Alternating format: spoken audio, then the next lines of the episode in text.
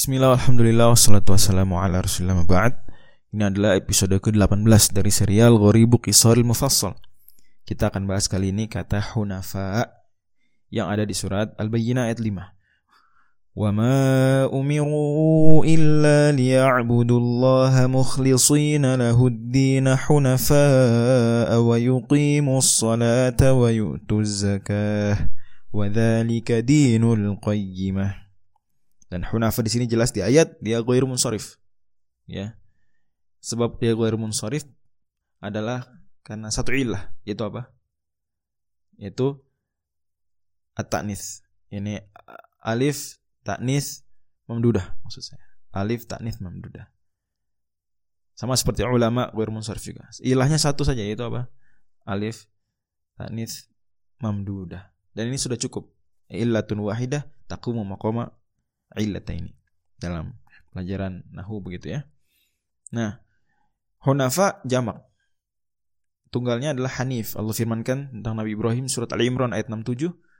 Maka Ibrahim Yahudiyya wala Nasraniyya walakin kana hanifan muslima. Hanif artinya secara bahasa dari kata hanaf. Hanaf itu condong sebetulnya. Makna istiqoqinya kata Imam Ibnu Faris kecondongan. Loh, kenapa kok Nabi Ibrahim disebut condong? Ini condong. Da, condong kepada kebaikan, kepada tauhid, kepada petunjuk. Melenceng dari kesesatan, condong kepada cenderung kepada tauhid. Ya.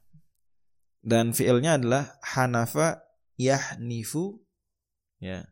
Fiil madhi dan fiil mudhari'nya. Condong tadi. Orang yang yang kakinya nggak ngadap depan, ini mungkin kelainan, Mudah-mudahan Allah Subhanahu wa taala berikan kita semua kebaikan dan pada akhirnya semua orang punya kelebihan, punya kekurangan. Yang mulia di sisi Allah hanyalah yang paling bertakwa. Ya. Nah, salah satu disabilitasnya adalah kakinya salah satunya tidak lurus. Misalnya menghadap kiri malah atau menghadap kanan, enggak lurus ke depan. Itu dalam bahasa Arab namanya ahnaf. Juga kadang kakinya telapak kakinya bukan di bawah tapi justru ke, ke atas, miring ke atas. Jadi jalannya agak sulit. Itu juga ahnaf. Demikian.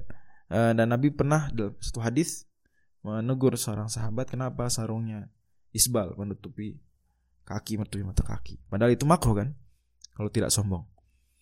Uh, maka orang ini bilang ini ahnaf saya ahnaf Nabi tadi.